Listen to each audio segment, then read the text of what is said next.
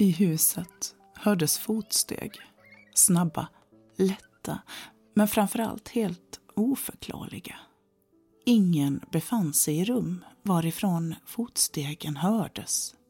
Det kunde både familjen som ägde huset samt de anställda som arbetade med husets renovering intyga. Ingen kunde förklara detta fenomen. 2016 i San Francisco i USA när husägare gjorde en omfattande renovering av sin mark fann de en kista i marken på tomten. En liten förseglad kista i järn. Denna järnkista hade ett fönster av glas och inuti kistan låg en liten flicka. Så väl bevarad att hon tog andan ur dem. En liten flicka med gyllene lockar låg som sovandes där inne. Vackert lagd till vila i vit spets och med blå lavender som prydde hennes bröst. Den lufttäta kistan hade bevarat och mumifierat hennes kropp på ett nästan kusligt sätt. Flickan, som då var okänd, fick det tillfälliga namnet Miranda Eve. Hon begravdes på en kyrkogård och fick också en gravsten med sitt tillfälliga namn. Men man började fråga sig vem flickan var och varför hon låg begravd på familjens mark. Efter en hel del letande i gamla arkiv, studerande av kartor och kyrkböcker och stadsritningar visade det sig att just där familjens hus stod hade det tidigare legat en kyrkogård. En kyrkogård som flyttats på grund av den alltmer växande staden San Francisco. Man behövde plats till den växande staden och både kistor och gravstenar flyttades därför till en annan plats. Men den lilla flickan i järnkistan blev lämnad kvar. Kanske var det rent slarv. Eller kanske var det helt omöjligt att flytta med alla begravda från kyrkogården. Flickan kom efter ett enormt arbete att få sin identitet tillbaka. Hennes riktiga namn var Edith Howard Cook och föddes den 28 november 1873. Men hon dog bara två år, tio månader och 15 dagar gammal den 13 oktober 1876. Några dagar efter det begravdes hon på kyrkogården för att lämnas kvar när kyrkogården många år senare flyttade och hennes plats för sin sista vila blev bortglömd. Den lilla flickan med de gyllene lockarna vilar idag på en välvårdad och välbesökt plats på en kyrkogård i San Francisco. Med hennes riktiga namn och datum på en sten. Tillsammans med ett foto av flickan. Är kanske något redigerad, men i grunden Ja, då är det hon. Lilla Edith, två år, tio månader och femton dagar gammal. På gravstenen står det även I once was lost, but now I'm found. I familjens hus, där hon vid renoveringen hittades under 2016, har man slutat att höra de oförklarliga fotstegen. Kanske var det lilla Edith som ville göra andra uppmärksamma på att hon fanns kvar där någonstans. Att hon var kvar på en plats där hon hade glömts bort. I hopp om att bli återfunnen och ihågkommen.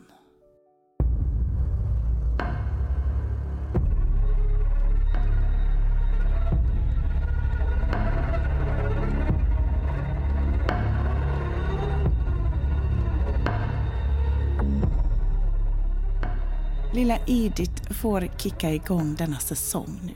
Välkommen till Rysningar. Jag heter Anna och jag är så glad att få dra igång säsong två av podden. Jag har längtat och jag hoppas att ni kommer att gilla de kommande avsnitten av spökhistorier och myter och legender och både nya och gamla hemskheter. När jag spelar in det här så vet jag fortfarande inte, jag har inte bestämt mig om jag ska lägga ut alla avsnitt på Youtube. Men kanske. Ni hittar mig där i alla fall också. Och på Instagram. Rysningar heter jag där. det är samma rysningar och samma Anna. Vill du komma i kontakt med mig, kanske vill du skicka in någon smarrig historia eller upplevelse, så är du hjärtligt välkommen med det. Mailar gör du till rysningar78 gmail.com. Jag blir superglad för lite nice respons. Och i annat fall så får du gärna följa podden. Du får gärna också betygsätta och framför allt sprida den. Jag vet inte varför lilla Ediths öde efter hennes död berörde mig så mycket. Kanske för att hon var bortglömd i så många år, så där liten och hjälplös.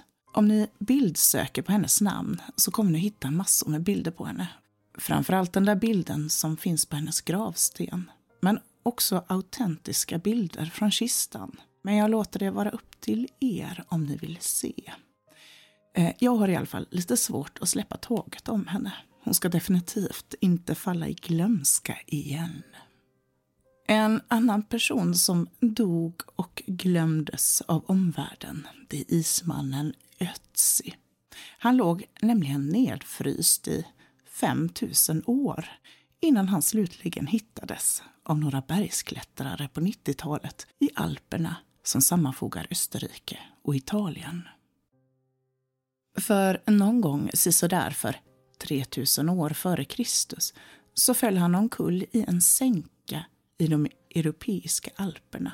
En äldre man, runt 45, som med dåtidens räkning var en betydande ålder.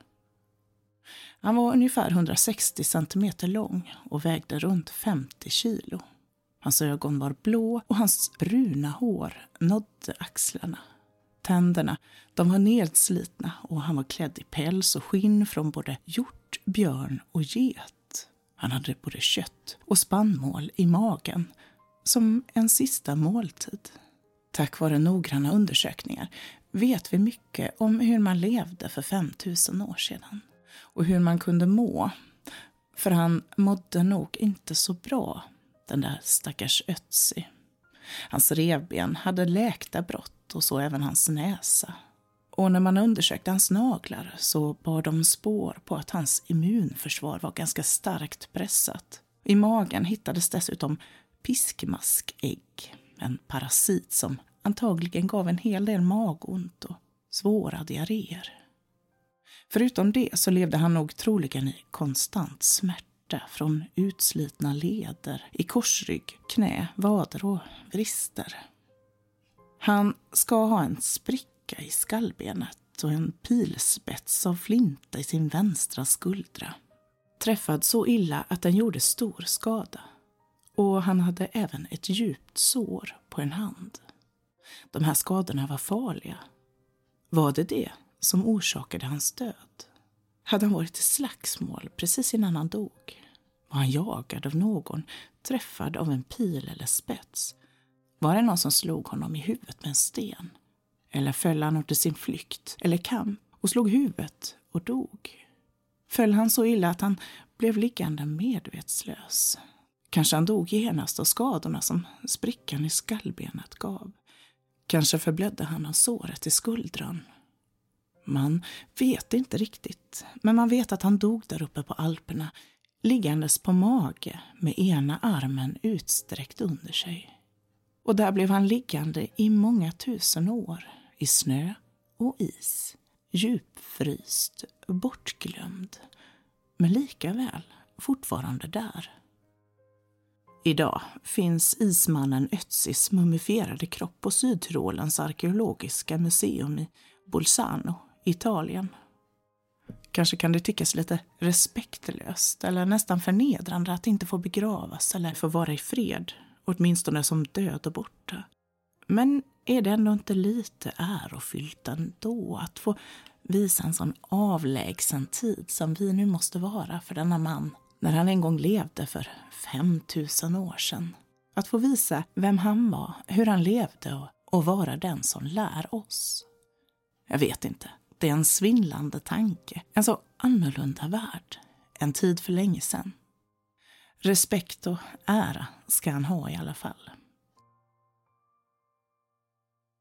Här i Sverige har även vi våra välbevarade historiska kvarhängare med en viss dos av mystik. En kvinna betydligt äldre än Mr Ötzi. Det är Bäckskoga kvinnan, eller Barumskvinnan som hon också kallas, från dagens Skåne. Hon tros ha levt runt 6500 till 7000 före Kristus. Åldern i detta skelett är hisnande i sig, men den största mystiken gällande henne tycks ha varit det tidigare dividerandet om hon var en kvinna eller man.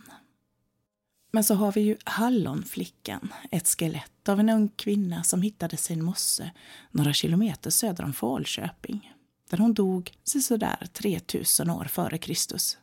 Och så har vi Bockstensmannen som låg begravd i en mosse utanför Varberg i en väldans massa år. De här två personerna har man kommit underfund med har blivit dödade. Och det cirkulerar en hel del frågor om hur och varför. Men det kan vara så att dessa två, Hallonflickan och Bockstensmannen, kommer att dyka upp i framtida avsnitt så därför släpper jag dessa här och nu. Ett annat svenskt mumifierat mysterium som jag inte helt kan släppa det är liket av en ännu yngre man, väldokumenterad och välbevarad. Nämligen den lufttorkade och naturligt mumifierade kroppen av Peder Winstrups i Lund. En adelsman, biskop, professor, arkitekt, boktryckare och papperstillverkare. Ja, han var till och med med och grundade stadens universitet. Han dog 1679 och han vilade i många år i en kista i domkyrkan i Lund. Hans kista skulle flyttas och få en grav på kyrkogården 2013 och då passade man på att öppna hans kista för att studera honom. Och vad man fann, det var otroligt. Han var som sagt naturligt mumifierad, lufttorkad och allt, både kropp, kläder och annat i kistan var väldigt väl bevarat. Det finns massor av detta för er som vill veta mer. Men det som har höjt många ögonbryn, det var att gömt i kistan, instoppat under den vilande biskopens ben, låg ett litet knyte, lindat i tyg. Ett foster från ett för tidigt fött barn. Ett cirka fem till sex månader gammalt foster. Man har kommit fram till att biskopen och barnet ska ha varit nära släkt med varandra och det pratas om att det skulle kunna vara så att biskopen var farfar till barnet. Men vad jag kan utläsa så är man fortfarande inte helt hundra procent säker. Det dyker upp så många frågor här. Varför skulle det ligga gömt i biskopens kista? Inte särskilt vackert välordnat utan snarare undanstoppat ville man försäkra sig om att barnet skulle få vila i samma frid som biskopen. Eller var det mer som en form av att åka snålskjuts? Kunde barnet inte döpas? Fick det inte begravas inom kyrkan? Men ändå hade en sorgsen och desperat förälder som helt enkelt såg till att lösa problemet. Var det biskopen själv som var fadern var barnets död ett resultat av fosterfördrivning eller ett helt ofrivilligt missfall? Det är så många frågor som vi antagligen aldrig kommer få helt svar på. Hur som helst så har barnet fått vila inlindat. Och även om det är gömt namnlöst och odöpt så ändå omgiven av sammet och spetsar, malört och humle och en ärad biskop i en domkyrka i många år aldrig mer bortglömd. Här går ju tankarna genast till folktrons mylingar. De där livsfarliga spökena från döda barn som inte fått sig något namn, inget dop eller fått vila i vikt jord. Om mylingar har jag ju pratat om här på Rysningar förut. Men jag vill ändå återberätta en gammal sägnen från Bergslagen om just en myling. Här används ett ord, nämligen papp eller pappa. Detta är dialekt och med det menades i princip amning, att man ammar ett barn. Sägnen låter ungefär så här. En gammal torpare gick ensam hem från skogen en kväll då en liten pojke kom fram till honom och sa Morfar, morfar, får jag pappa? Torparen ville först inte veta av pojken men han var så envis med sina frågor att han till slut svarade honom. Har du någon till papp, så papp. Men inte får du till pappa mig. Pojken gav sig då raskt iväg och torparen kunde fortsätta sin väg hemåt. Väl hemma i sin torparstuga fann han sin vuxna men hemmaboende dotter död liggandes i utdragssoffan och med blod rinnande från sina bröst. Den lille pojken hade varit en myling som ville ta hämnd på sin mördare. När torparen hade svarat honom att han hade lov till papp hade mylingen fått lov att hämnas och därmed dödat sin mor. Det finns ju fler sätt att hänga sig kvar utan att vi för den delen vet varför. En lite vacker berättelse har jag fått till mig som kanske mer fungerar som en varning eller som ett skydd. Och det var i alla fall så det hela upplevdes av signatur M. Det här hände mig för många år sedan, men jag minns det lika tydligt som igår. Och jag tänker på det varje gång jag befinner mig i området. Detta är för 25 år sedan, kanske till och med 30. Jag bodde då i ett litet samhälle, så där litet att alla kände alla. Och just under den här tiden så rörde det sig en del tvivelaktiga människor i trakten. Alla visste vem de var och vad de körde för bilar. Det var inga trevliga typer som man verkligen höll sig borta ifrån och inte ville ha något med att göra. De höll på med allt från stöld och misshandel, inbrott, hot, narkotika och langning. De satte skräck i det lilla samhället och var ett konstant samtalsämne när som folk träffades. Folk valde omvägar när de såg att de mötte dem på trottoaren och man höll avstånd i den lilla butiken. Man ville absolut inte komma i deras väg.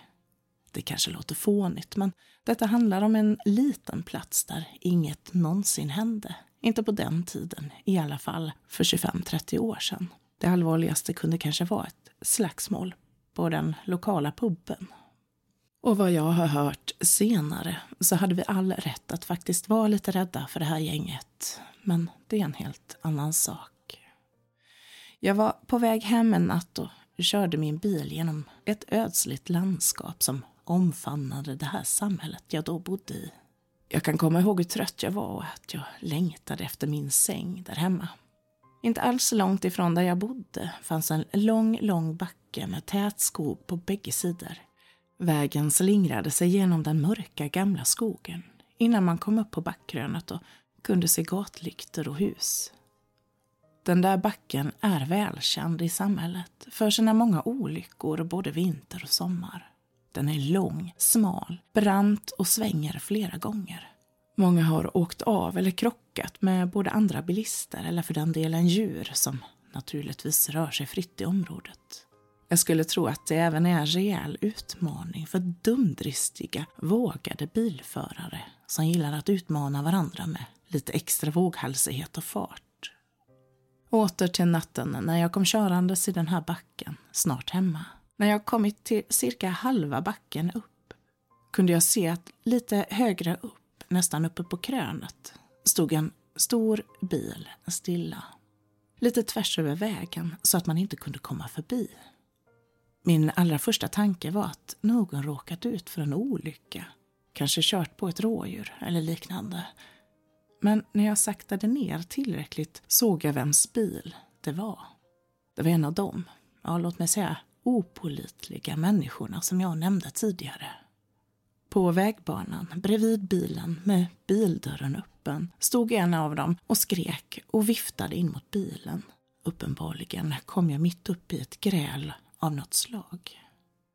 Naturligtvis måste de både ha sett och hört mig. Så långt ifrån dem var jag inte.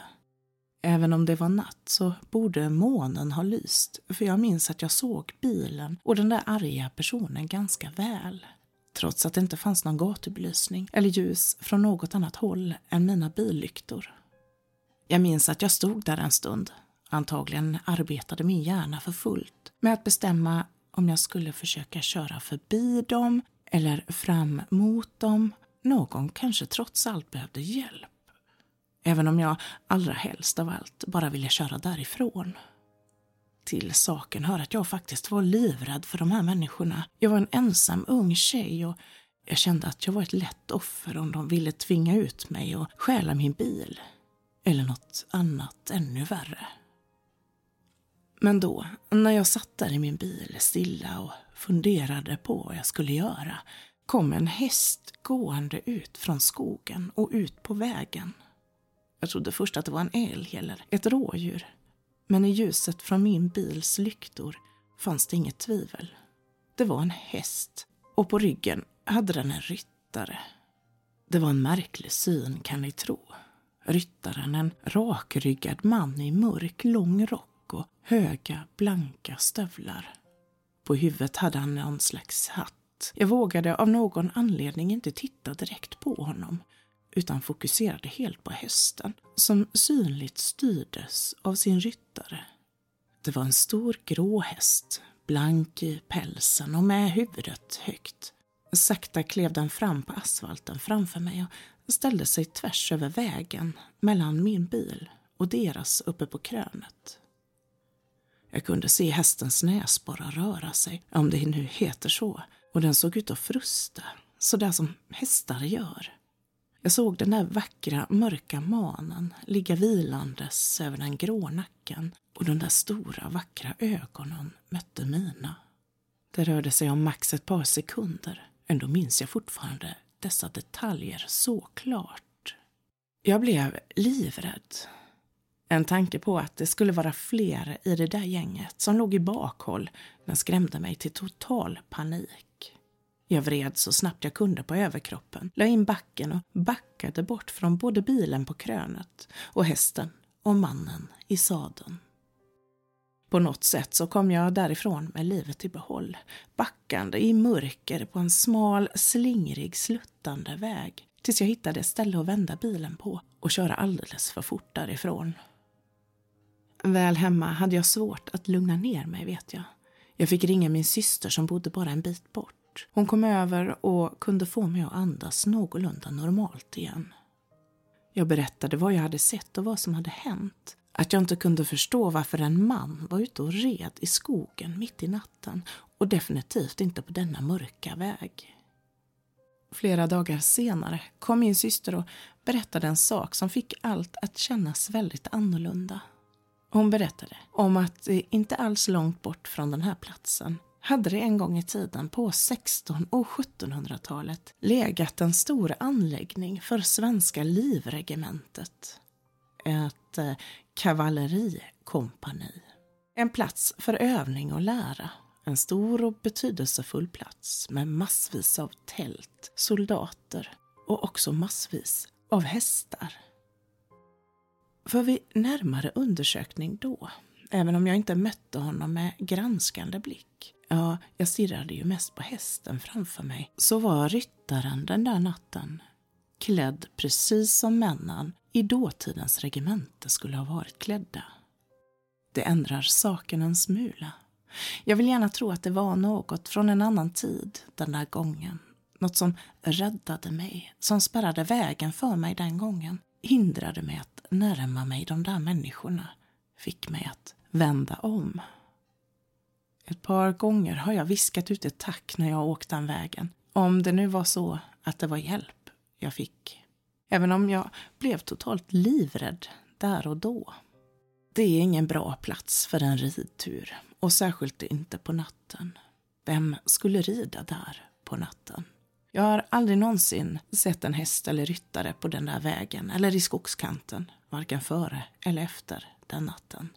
Jag bor inte längre kvar men använder vägen då och då och kör just där.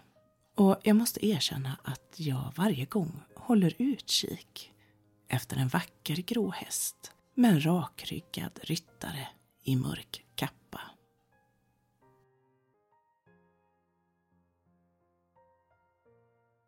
Ja, alla som hänger sig kvar kanske heller inte är så farliga. En del har kanske gått i sinnet. Kanske guidas vi till och med mer än vad vi tror. Nå, en sista story ska ni få om en lite mindre trevlig efterhängsen typ. Ingen ära och glory där inte. Med den här sista storyn så säger jag tack och hej för denna gång. Jag hoppas att ni hittar tillbaka till mig nästa vecka. Här kommer en berättelse från Reddit No Sleep. Skriven av användaren Nika Jutsu. Länk till originalberättelsen finns i beskrivningen.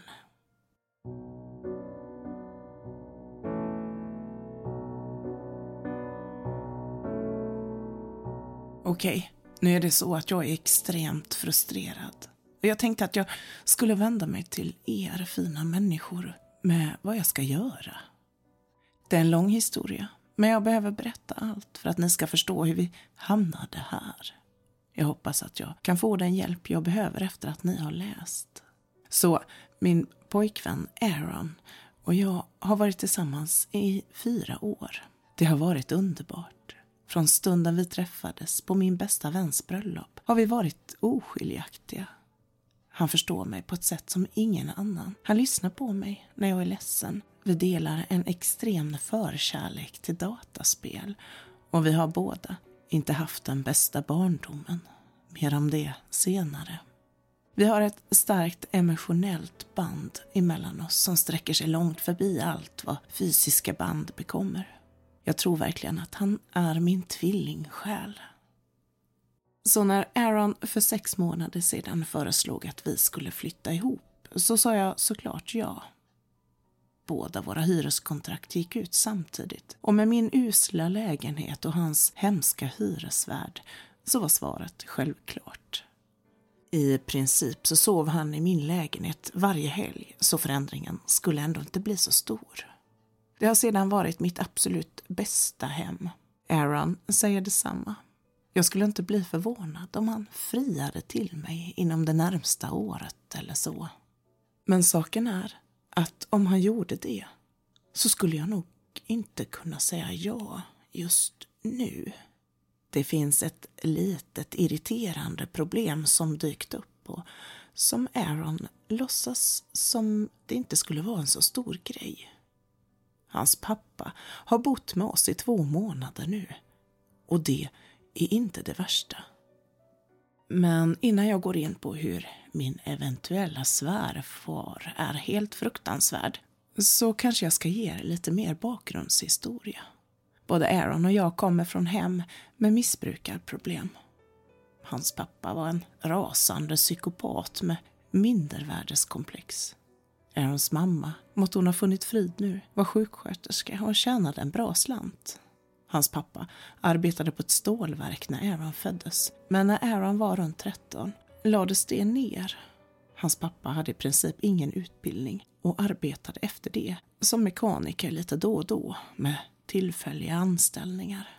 Han tjänade korvören i princip, vilket gjorde att Aarons mamma fick jobba extra för att hålla tillvaron flytande Aarons pappa hatade hur det fick honom att förlora sin värdefulla manlighet och brukade dricka sig stupfull så till den milda grad att han blev våldsam. Hans stressade mamma drabbades av en hjärtattack och dog när Aaron var 17 år och lämnade honom i pappans alkoholpåverkade klor. Aaron har berättat om hur han bodde kvar hemma tills han tog studenten. Men så snart han hade sina betyg i handen reste han ut ur delstaten med huvudet högt och liksom sa hej då till sin tortyrkammare till hem. Det var därför jag en dag blev väldigt förvånad när det från ingenstans dök upp en äldre man vid vårt hus som frågade efter att få prata med Aaron. Jag var ute vid husets framsida och ansade i min lilla blomsterrabatt när jag kände hur någon befann sig bakom mig. Denna stora, ovårdade mannen hindrade solens strålar att nå ner på mig. Hans kristallblå ögon stirrade in i mina. Han behövde inte säga vem han var. De där ögonen, det var detsamma som Aarons. Fullt förståeligt så hade Aaron inga foton på sin pappa. Så jag hade aldrig sett snubben. Men gåshuden jag fick bak i nacken talade om för mig vem han var innan hans läppar gjorde det. Ursäkta, hasplade han ur sig. Hans röst lät ansträngd och gammal. Bor Aaron Lee här? Jag kunde inte ens svara honom ordentligt med en gång. Hans närvaro var rent av hotfull. Hans stirrande ögon blinkade knappt medan han tittade på mig och helt ärligt kunde jag känna hur nacken blev blöt av svett. Men jag mindes allt som Aaron berättat om sin pappa och i och med att jag antog att detta var han klickade någon slags form av flickvänsförsvar in, vilket jagade iväg all ångest. Och får jag fråga vem du är? Jag är inte helt bekväm att svara på vem som bor här, om jag inte får reda på det. Han andades ljudligt ut, vilket fick mig själva. Men hans ansiktsuttryck var lika stelt som när han först hade närmat sig mig. Jag är hans farsa. Andrew heter jag. Är han här eller inte? Jag behöver prata med honom. Han la armarna i kors över bröstet medan de där ögonen likt pärlor av is borrade sig in i mina medan ett drag av beslutsamhet la sig över hans ansikte. Herregud, kom jag ihåg att jag tänkte först. Jag förstår varför Aaron praktiskt taget hatade denna idioten. För att inte avslöja mig så reste jag mig upp och vände mig för att gå in jag lämnade honom kvar där ute på gräsmattan. Jag tänkte inte svara på en enda fråga från den här snubben innan jag hade pratat med Aaron. Jag hittade honom i spelrummet, mitt uppe i en skjutning i ett spel. Älskling, jag närmade mig honom försiktigt. Jag visste att hans pappa var ett känsligt ämne. Det står en man på utsidan och säger att han behöver prata med dig. Och jag tror att du vill ta dig en titt på honom. Barons blick släppte inte skärmen och jag väntade in hans uppmärksamhet medan han eliminerade en spelare från det motsatta laget. Efter att ha vrålat ut sin seger i sitt headset gav han mig äntligen sin fulla uppmärksamhet. Sorry älskling, vad var det? Snubbe, utomhus. Han säger att han behöver träffa dig. Han heter Andrew. Nyfikenheten som svepte över Aarons ansikte fick mig förstå att han antagligen trodde detsamma som jag tänkte. Han ställde sig genast upp och gick förbi mig. Det tog inte lång stund innan jag hörde hur ytterdörren öppnades. Aaron var utomhus i några minuter och jag stod nyfiken i hallen. Jag skulle precis kika ut genom dörrhålet när Aaron kom släntrandes tillbaka utan det minsta bekymmer och stängde dörren.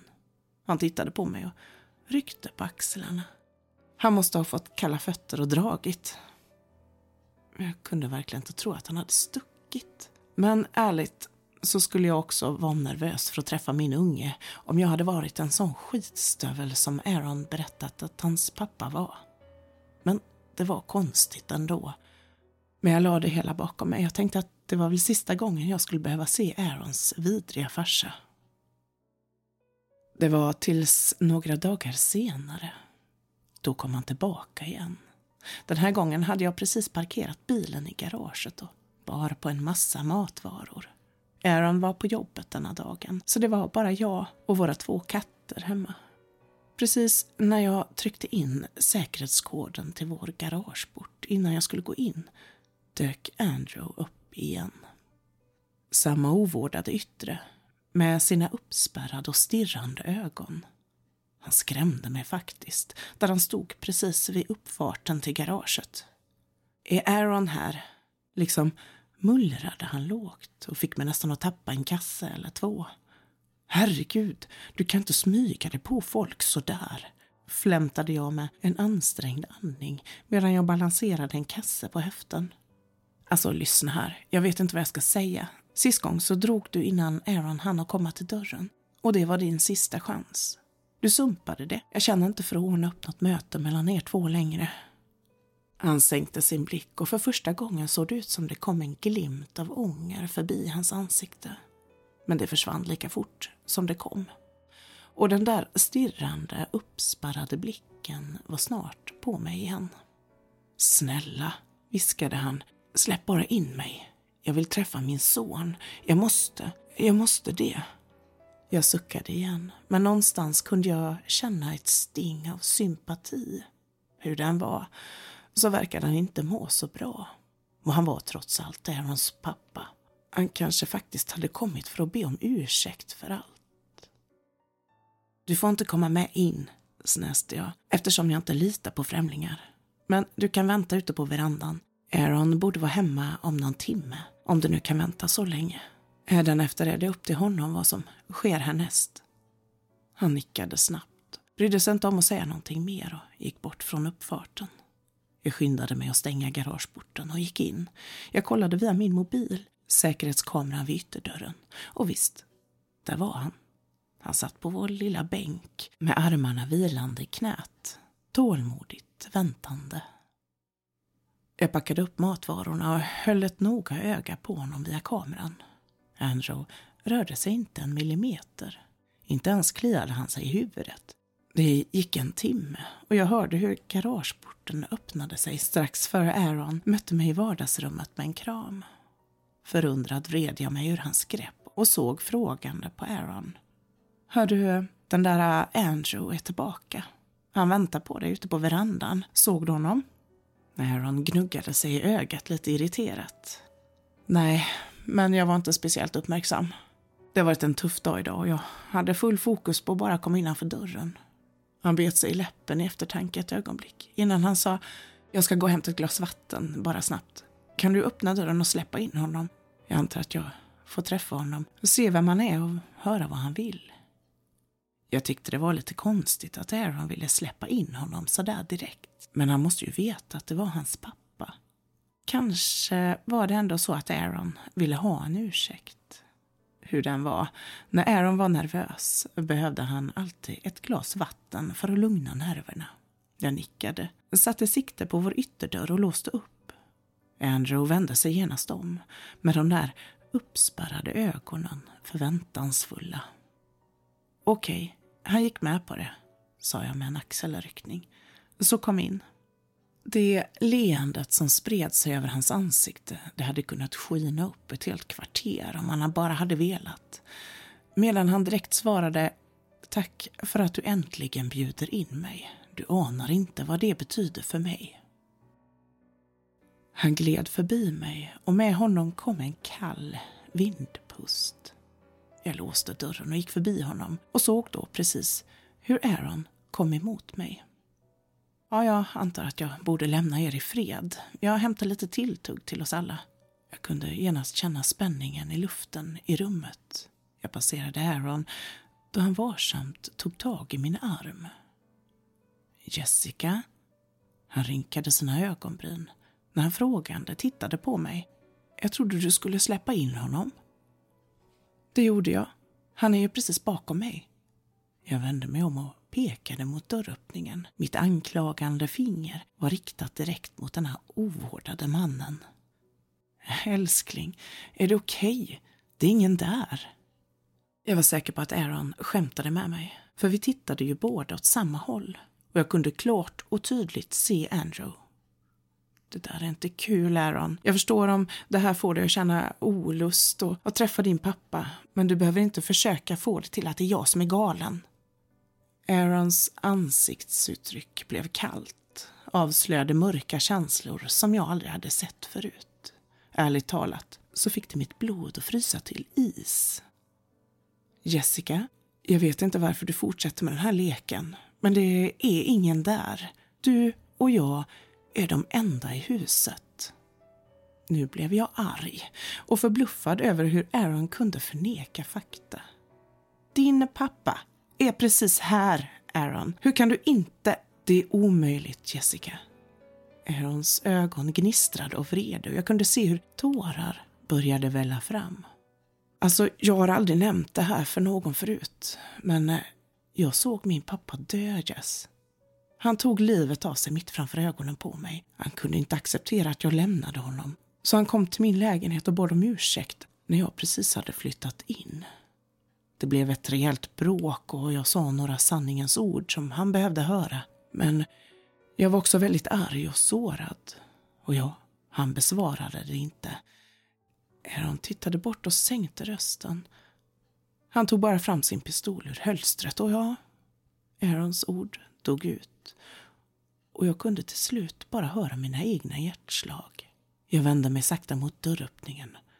Och visst, Andrew stod fortfarande där.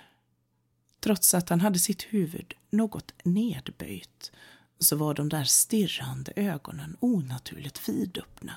Hans ögonbryn argt neddragna så att de nästan vidrörde hans ögonfransar.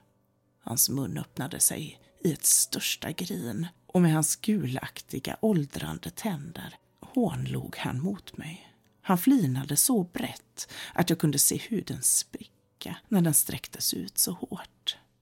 Jag förstod direkt att jag hade gjort ett stort, stort misstag. Och från den stunden förändrades allt. Aaron är alltid så tyst runt mig nu för tiden. Irriterad över att jag drog ett skämt, som han kallar det.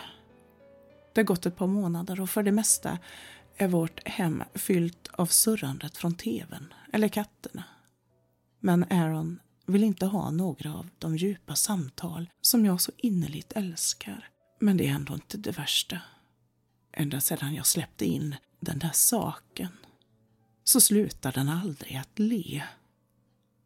Det där grymma, elaka, sjuka leendet som alltid riktar sig direkt åt mitt håll, vart jag än går. Aaron kan inte se den och tror mig inte när jag försöker berätta. Så jag är helt ensam i min rädsla för den här närvaron. Katterna känner nog att det finns något där. För varje gång Aaron kommer in i ett rum så skyndar de sig iväg. Det brukade vara i hans knä de låg och lämnade knappt hans sida. Nu står de inte ut med att vara i hans närhet en längre stund. Aaron är såklart lite upprörd över detta. Men Aaron kan heller inte se att det varje dag. Att den rör sig närmare och närmare honom. I början höll den sig lite på avstånd. Till exempel om Aaron befann sig i köket höll den sig till vardagsrummet. Om han var i duschen befann den sig i hallen. Men nu står den helt stilla precis bakom Aaron. Om Aaron kunde uppfatta den så skulle han antagligen kunna känna andetagen i nacken. Nu har den börjat viska. Nästan. Snart. Nästan varje timme fortfarande stirrande på mig så fort jag kommer in i rummet. Det får mig att vilja kräkas. Jag vet inte vad jag ska ta mig till. Jag måste ha bort den här närvaron. Vare sig det är Andrew eller inte så kan jag inte låta bli att tro att om jag inte får bort den innan den vidrör Aaron så kommer något riktigt hemskt att hända. Kan någon ge mig råd? Snälla. Jag är desperat och på gränsen till galen. Jag är verkligen rädd och känner att jag håller på att förlora förståndet.